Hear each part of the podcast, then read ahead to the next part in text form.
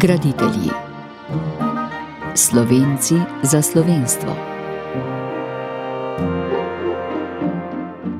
Maksimilijan Jezernik.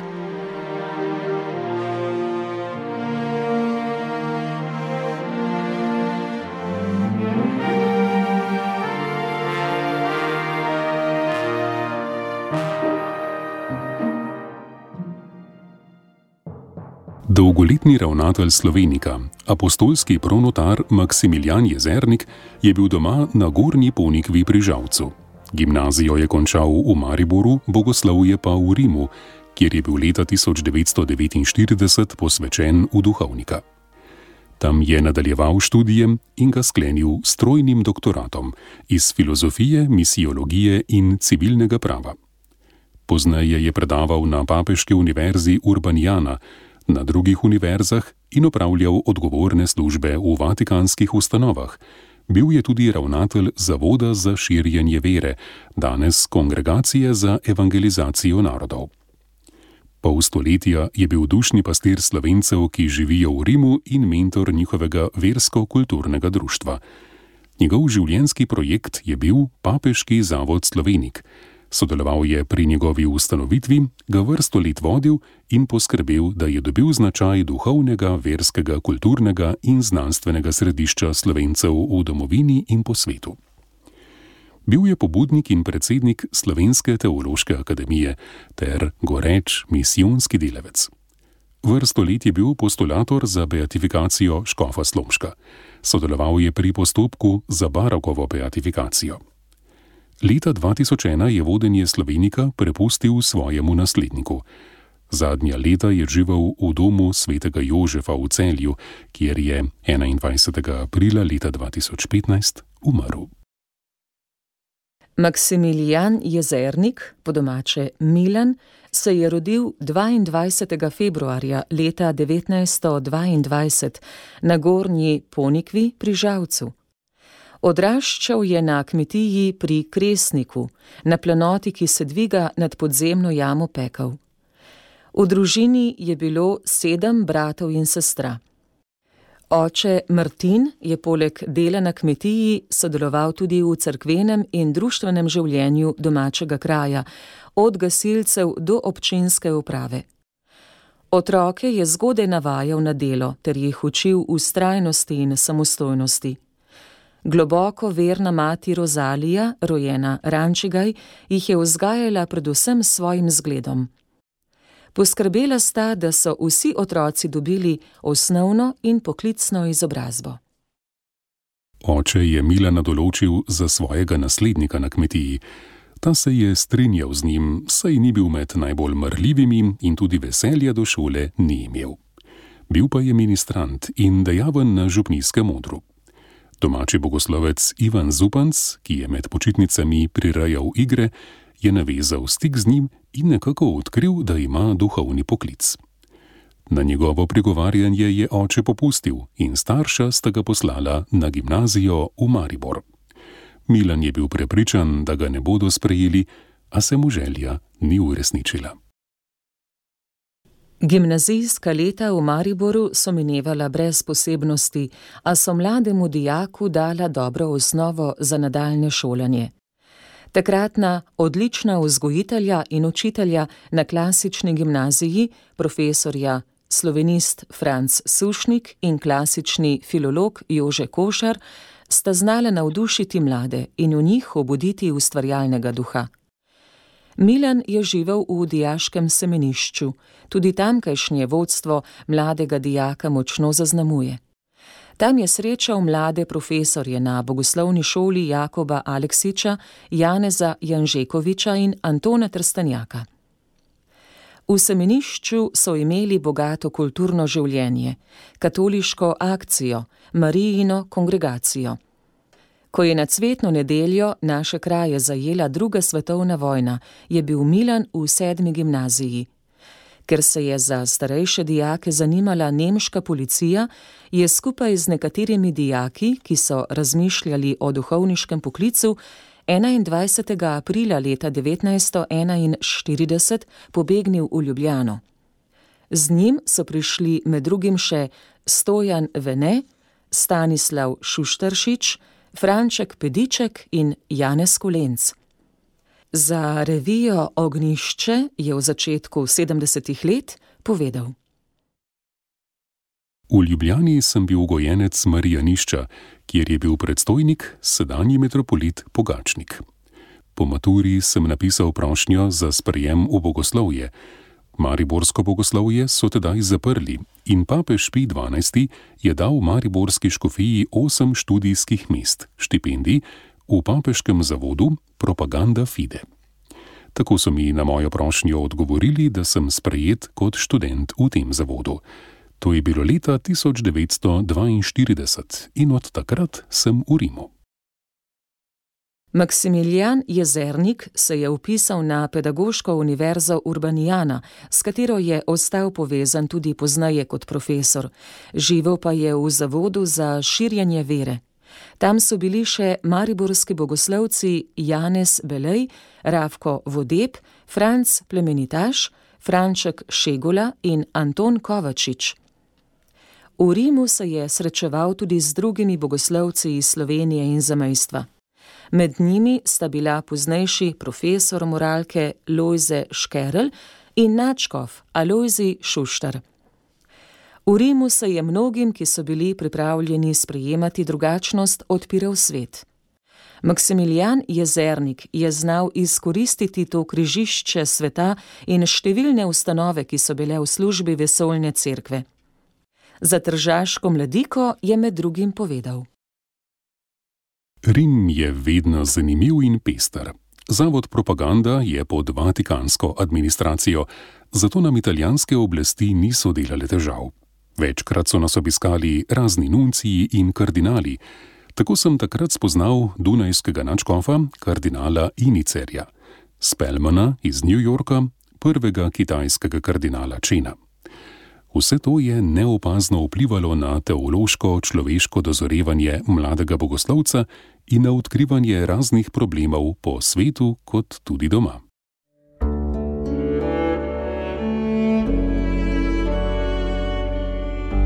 Poslušate podcast Radia Ognišče.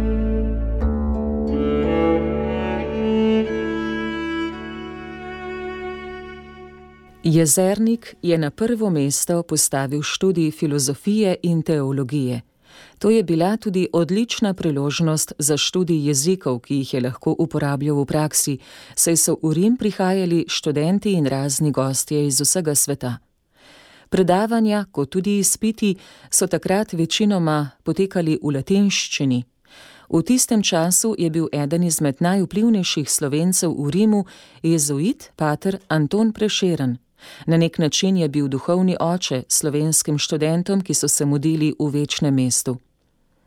V letu 1948 je dosegal, da smo Slovenci dobili redne oddaje na radiju Vatikan. Maksimilijan Jezernik je bil v duhovnika posvečen na veliko noč leta 1949, naslednji dan pa je imel novo mašo v Zavodu za širjenje vere. Domačih ni bilo, saj je bila meja zaprta. Kljub temu jim je prek valov Vatikanskega radija lahko podelil novomašni blagoslov. O letih po novi maši pa je za revijo Ognišče povedal. Takoj po mašniškem posvečenju leta 1949 sem napravil doktorat iz filozofije. Skoraj istočasno pa sem postal podravnatelj zavoda, v katerem sem študiral, in asistent filozofije na Univerzi Urbanijana. Nadaljeval sem še študij misiologije, znanosti o misijonih in civilnega prava na Državni univerzi v Rimu in iz obeh predmetov doktoriral. Zdelo se mi je namreč, da moja služba in moje delo zahtevata ta študij. Delal sem v misijonskem zavodu, zato se mi je zdelo potrebno, da se izpopolnim v misijonski znanosti, da bi bolje poznal naš apostolat. Vedel pa sem tudi, da bom kot predstojnik imel veliko upravka z rimskimi uradi, kjer pa je brez znanja civilnega prava malce težko. Zato sem študiral še civilno pravo. Škof Ivan Tomažič ni pozabil, da ima v Rimu študente, ki so postali duhovniki. Za Ravka Vodeba, ki je imel novo mašo že leta 1948, in Maksimilijana Jezernika je ocenil, da lahko ostaneta v Rimu. Doma je bilo duhovnikov dovolj in ona dva sta verjetno lahko bolj koristna tam. Oba sta postala asistenta na univerzi. Jezernik je bil asistent pri znanem profesorju neotomistične filozofije Korneliju Fabru, doma iz Vidma v Italiji. Veliko svojega časa je posvetil temu področju. Namestnik ravnatelja Zavoda za širjenje vere je ostal do leta 1965, ko je prevzel vodenje novega zavoda svetega Pavla. Leta 1973 je postal še generalni tajnik na Univerzi Urbanijana, kjer so ravno takrat prenavljali študijski program v duhu drugega vatikanskega koncila. Jezernik je na Urbanijani med drugim ustanovil samostojno univerzitetno založbo. Tako na univerzi kot v zavodu je v glavnem delal študenti iz misijonskih dežel.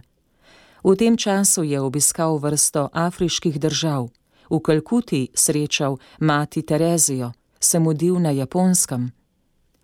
Uredniku ognišča Francetu Boletu je leta 1973 pripovedoval. Trenutno je največ mojih študentov iz Afrike, iz skoraj vseh afriških držav. Prej je bila najmočneje zastopana Azija.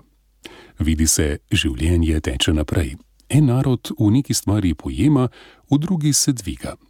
Sicer pa moram brž povdariti, mnoge države ne pošiljajo več k nam toliko gojencev, vendar ne zato, ker ne bi imele duhovniških poklicev, ampak zato, ker imajo doma odlična semenišča, naprimer Indija, Japonska. Tudi v Afriki je že več odličnih semenišč, v katerih dobijo bodoči duhovniki tisto vzgojo in izobrazbo, ki je danes potrebna duhovniku v tistih deželah. Medtem ko je Ravko Vodeb nekaj let posvetil slovenskim oddajam na Radio Vatikan, je Maksimilijan Jezernik postajal nepogrešljiv duhovni voditelj slovencev, ki živijo v Rimu. Za zgled mu je bil pater Anton Prešeren, umrl je leta 1965 in je na nek način nadaljeval njegovo delo. Jezernik mu je pomagal, ko je bil še študent. Posebno pozornost je namenjal slovenstvu v širšem smislu in pred duhovniškim posvečenjem ustanovil društvo Anton Martin Slomšek, ki je skrbelo za ohranjanje ne le verske, ampak tudi slovenske kulturne dediščine. V ta krok je znal pritegniti številne rojake in rojakinje, ki so se mudili v Rimu. Med njimi je bila uršulinka Rafaela Vurnik, sestra arhitekta Ivana Vurnika. V Rim je prišla z Tajske kmalo po vojni za svetovalko na področju misijonov in tam ostala do leta 1966. Bila je odgovorna za sodelovanje z mednarodno organizacijo UNESCO, učila je verouk v župniji vrhovne hiše Uršulink. Jezernik je imel v njej odlično sodelavko pri skrbi za versko, kulturno in družabno življenje slovencev v Rimu. Maksimilijan Jezernik je o njej povedal. Sestra Rafaela je imela pozicijo in vpliv. Kadar so prišli azijski škofi v Rim, so prišli najprej k njej na pogovor in šele na to v Vatikan. Vsi so vedeli, da je slovenka. Bila je uljudna in je poznala družbene in politične razmere v svetu. Stala je na svojih nogah. Življenjski projekt Maksimilijana Jezernika je bil papeški zavod Slovenik. Kot navajajo nekateri viri, je že Slomšek želel, da bi Slovenci dobili svoj zavod v Rimu, saj bi se s tem duhovniki na študiju bogoslovnih ved otresli nemškega vpliva. Zamisel o tem je postala bolj živa med obema vojnama, a dozorela je šele po drugi vojni in začela dobivati temelje kmalo zatem, ko je škof Anton Vovk januarja 1960 prišel na prvi Adlimina obisk v Rim. Za izpeljavo projekta je po oblastu jezuita patra Antona Prešerna, ki je uredil vse potrebno s kongregacijo za semenišča in univerze. Maksimilijan Jezernik je za tržaško mladiko o začetkih Slovenika povedal. Med vojno smo v Rimu živo občutili pomankanje takega narodnega zavoda, kjer bi lahko imeli narodno oporo in možnost raznovrstne pomoči. To tem bolj, ko je padla rdeča zavesa na zahodni meji Slovenije.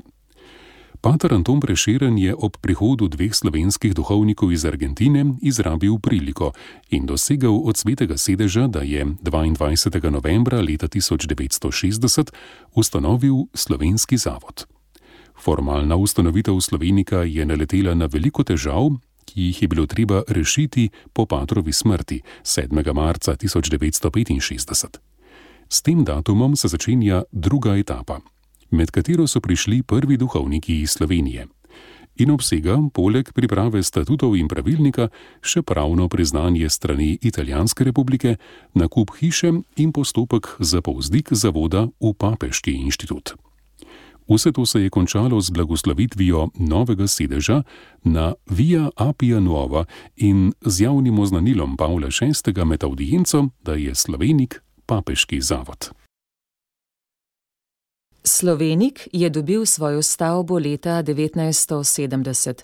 Prišle so Marijine sestre iz Slovenije in prevzele vodenje celotnega gospodinstva in skrb za romarje. V dobrih dveh letih je bila hiša primerno obnovljena in obogatena z deli slovenskih umetnikov. Sledilo je slovesno odprtje z blagoslovom. Za to priložnost se je v Rimu zbralo več tisoč slovenskih romarjev iz domovine, zamejstva in zdomstva. Z njimi so prišli škofje in številni dobrotniki Slovenika. Praznovali so več dni. Osrednja slovesnost ob blagoslovu zavoda in audienca pri papežu Pavlu VI sta bili 19. in 20. junija leta 1973. Na glavni slovesnosti, pri kateri je pel slovenski oktet, je Alois Rebula v imenu rojakov zavod simbolično izročil ljubljanskemu načkofu Jožefu Pogačniku. Predtem je zbrane nagovoril Maksimilijan Jezernik, ki je po pozdravu dobrotnikov in številnih gostov dejal. Danes je dan veselja in hvaležnosti za vsakega izmed nas in za dobrotnike, tudi za tiste, ki jih ni tukaj ali pa že iz večnosti cenijo naše delo. Hvaležnosti Bogu za dar svete vere in za ustrajnost naših prednikov Kristusovemu oznanilu. Potem je dan veselja, ker smo slovesno blagoslovili Slovenik. Razen tega je dan veselja, ker smo vsi skupaj zbrani in to prav blizu svetega očeta iz naših src se dviga Bogu molitev, da bi Slovenik slovenskemu narodu hranil naprej v prihodnost plamen evangelija in luč kulture. Alois Rebula je v svojem odmevnem nagovoru povzel zgodovino krščanstva na slovenskem in njene vezi z večnim mestom. Načkov Pogačnik pa je v zahvali med drugim poudaril. Slovenik je slovenska ustanova, ustanova za slovence, za njih duhovno kulturo in duhovni blagor. To je njegov svojski namen. Zato je bil ustanovljen z darovi in žrtvami, ki so iz večine kakor dar skromne vdove. Od malega je dala pomalem in to je bilo veliko, več kot so prispevki velikih. V te duhovne namene naj slovenik služi. S tem je Slovenik začel vršiti svoje poslanstvo.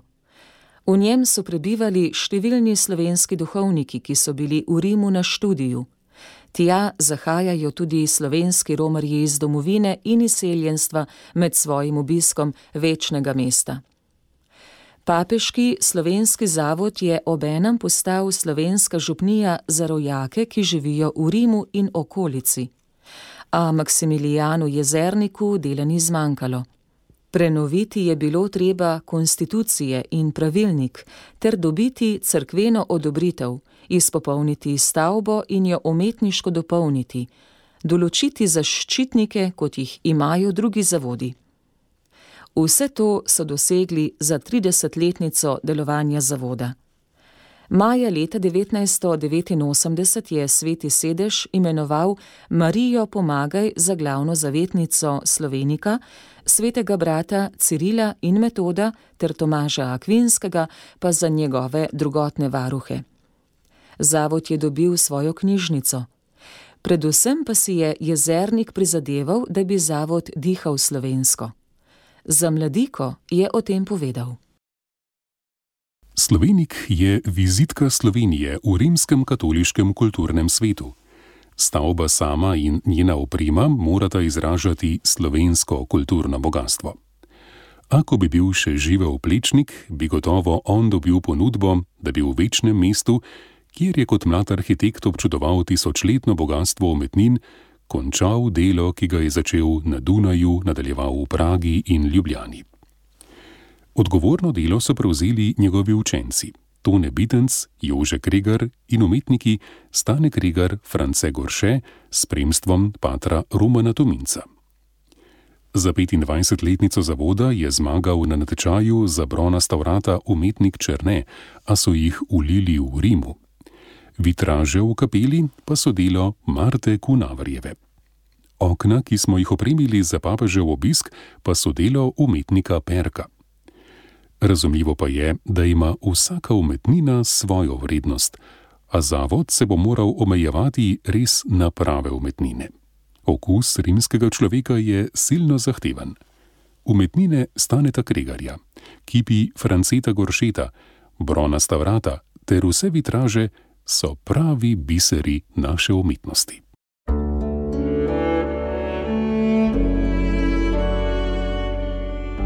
Poslušate podcast Radia Ognišče.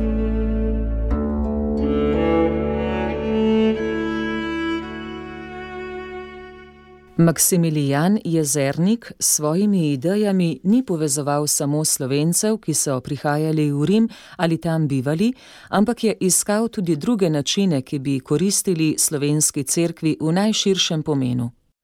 Na njegovo pobudo so se med počitnicami leta 1961 v celovcu prvič zbrali slovenski duhovniki iz zamejstva in zdomstva. Namen srečanja, ki so se vrstila potem vsako leto, je bilo izobraževanje, medsebojno zbliževanje in spoznavanje. Šele ob 30-letnici prvega srečanja 20. in 21. augusta leta 1991 so se lahko prvič zbrali v domovini, saj je bil v času Jugoslavije nekaterim prepovedan vstop v Slovenijo. Za kraj srečanja so si izbrali stično. Med pomembnejšimi datumi v zgodovini Slovenika je 10. maj 1978 ko so slovenski profesori na različnih rimskih cerkvenih univerzah ustanovili Slovensko bogoslovno akademijo oziroma Slovensko teološko akademijo, ki deluje v sklopu zavoda. Njen glavni namen je bil pospeševanje bogoslovnih znanstvenih razprav in njihovega objavljanja. Tudi tu je imel glavno vlogo Maksimilijan Jezernik, bil je pobudnik in prvi predsednik akademije. Njeno najodmevnejše delo predstavljajo simpoziji, ki so bili posvečeni duhovnim velikanom našega naroda, od blaženega škofa Antona Martina Slomška in božjega služabnika škofa Janeza Frančiška Gnidovca do škofa Gregorija Rožmana in Lamberta Erliha. Temeljite raziskave o njih, tudi na podlagi vatikanskih in drugih arhivov, so osvetlile več deset osebnosti iz naše preteklosti. Simpozijem so sledili natisnjeni zborniki. Prvi simpozij, ki je bil septembra leta 1982 v Rimu, je bil posvečen Škofu Slomšku. Sledil je Slomškovemu dnevu, ki so ga dan predtem pripravili v Mariboru. Pokrovitelj je bil Slomškov naslednik, mariborski škof Franz Kramberger. Maksimilijan Jezernik, ki je bil takrat tudi postulator za beatifikacijo škofa Slomška, je v uvodnem pozdravu ob začetku simpozija povedal. Zamisel o morebitnem znanstvenem simpoziju se je porodila v Slovenski bogoslovni akademiji in sta jo z veseljem pozdravila slovenik in postulacija slomškovega procesa. Zakaj znanstveni simpozij ravno o slomšku, torej o posamezniku, kar pri nas, tako se mi zazdeva, ni običajno? Do njega nas je privedlo več razlogov. Želja, da bi na podlagi sodobnih znanstvenih spoznanj temeljiteje poznali velikana slovenstva in slovenske cerkve, prepričanjem, da bodo znanstvena dognanja dobrodošla pri pospeševanju slomškovega procesa, dolžnost, da prikažemo Evropi človeka, ki jo je že pred 150 leti opozoril na poslanstvo svetih Cirila in Metoda, in še dolžnost, da proslavimo svojega rojaka. Saj po njegovih besedah, kdor svojih slavnih prednikov nečasti, njih vrli naslednik biti vreden ni. Maksimilijan Jezernik je kot postulator za slomškovo beatifikacijo pripravljal in zatem bdel nad potekom celotnega postopka. Bil je navzoč tudi pri izboru kardinalov 3. julija 1998, ko je Kongregacija za zadeve svetnikov izdala odlog o priznanju čudeža na priprošnjo božjega služabnika škofa Antona Martina Slomška. S tem je bil postopek formalno zaključen. Sveti Janez Pavel II., ki je obiskal Slovenik ob njegovi 30-letnici, je Slomška razglasil za blaženega 19. septembra leta 1999 v Mariboru. Maksimilijan Jezernik je v želji, da bi bila na prizorišču slika uveljavljenega slovenskega slikarja, že 30 let predtem prosil Staneta Kregarja naj naslika škofa Slomška. To je tudi storil in sliko podaril slovenskemu papeškemu zavodu v Rimu, kjer ima svoje mesto. Maksimilijan Jezernik je sodeloval tudi pri postopku za Baragovo beatifikacijo. Še eno področje, ki se mu je Maksimilijan Jezernik posvetil že med študijem, je delo za misijone. Voditelj doma Sodalitas v Tinjah na Koroškem, Jože Kopajnik, je pred leti spomnil na prispevek Jezernika pri organizaciji podpore misijonskemu delu. Leta 1981 je sklical prvi vseslovenski misijonski simpozij v Rimu. Tja so prišli misionarji, ki so se takrat mudili v Evropi, in misijonski delavci v domovini, zamejstvu in zdomstvu. Kopajnik je povedal, da je bil simpozij namenjen medsebojnemu spoznavanju misionarjev in misionark. Ti so se obenem spoznali z misijonskim zaledjem in vodilnimi podporniki v Sloveniji, v zamejstvu, zlasti na Koroškem in Primorskem, v Avstraliji, Argentini, Kanadi in drugod po svetu. Drugi tak simpozij je bil leta 1986 v Tinjah, kjer je že sodeloval bogoslovec Stane Kerin, poznejši ravnatelj misijonskega središča v Ljubljani. Po mnenju Kopajnika, vloga jezernika pri začetkih povezovanja vseh misijonskih delavcev v slovenski cerkvi še ni bila prav ovrednotena. Maksimilijan Jezernik je delil usodo mnogih, ki so zapustili domovino in jo znova obiskali šele po daljšem času. Od domačih se je moral posloviti že na začetku okupacije. Preden je pobegnil od doma, ga je že iskala nemška policija, a na srečo ni bil doma. Ko se je pokazala priložnost, da gre lahko študirati v Rim, se je poslovil tudi od Ljubljane. Med študijem in po njem se je gibal v krogih, kjer ni manjkalo ovaduhov.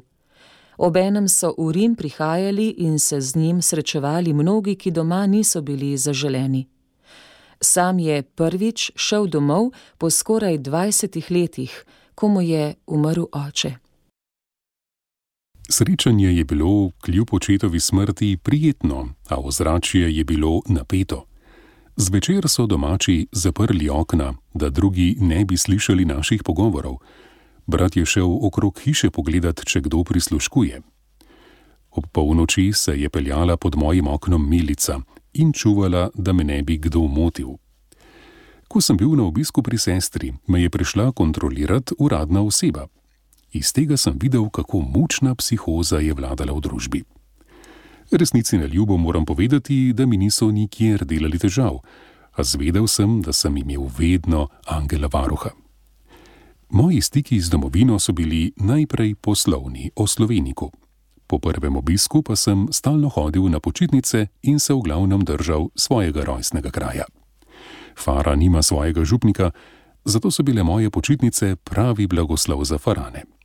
Pri upravljanju nisem naletel na nobeno težavo in moram reči, da so me krajevne oblasti, kot tudi občinske, silno prijazno sprejele.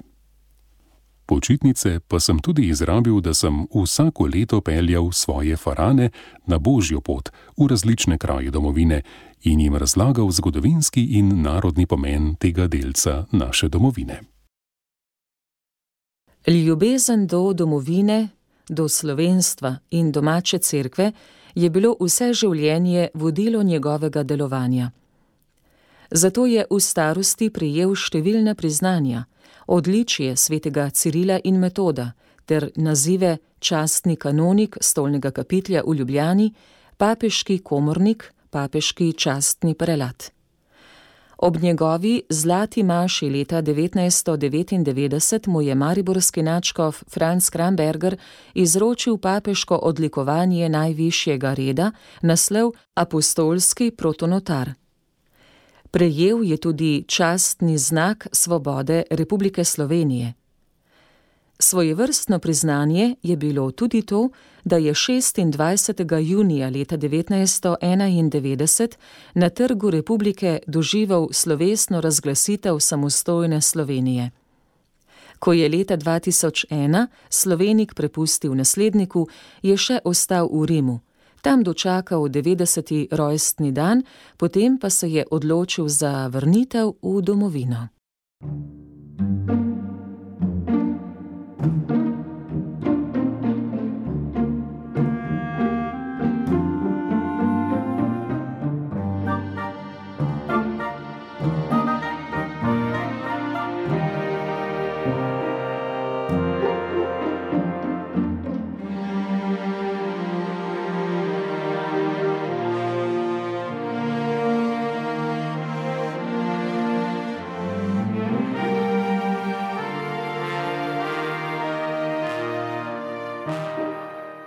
Maksimilijan Jezernik je zadnje leta bival v domu svetega Jožefa v celju.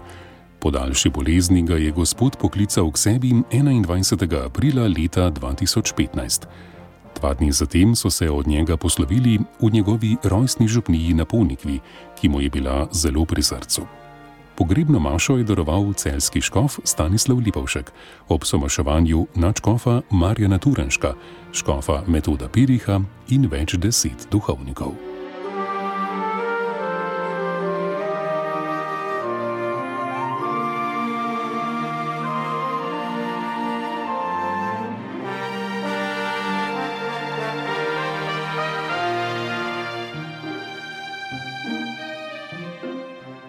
Oddajo o Maksimilijanu Jezerniku je pripravil Tone Gorjub, brala sva Matjaš Mrljak in Nataša Ličen.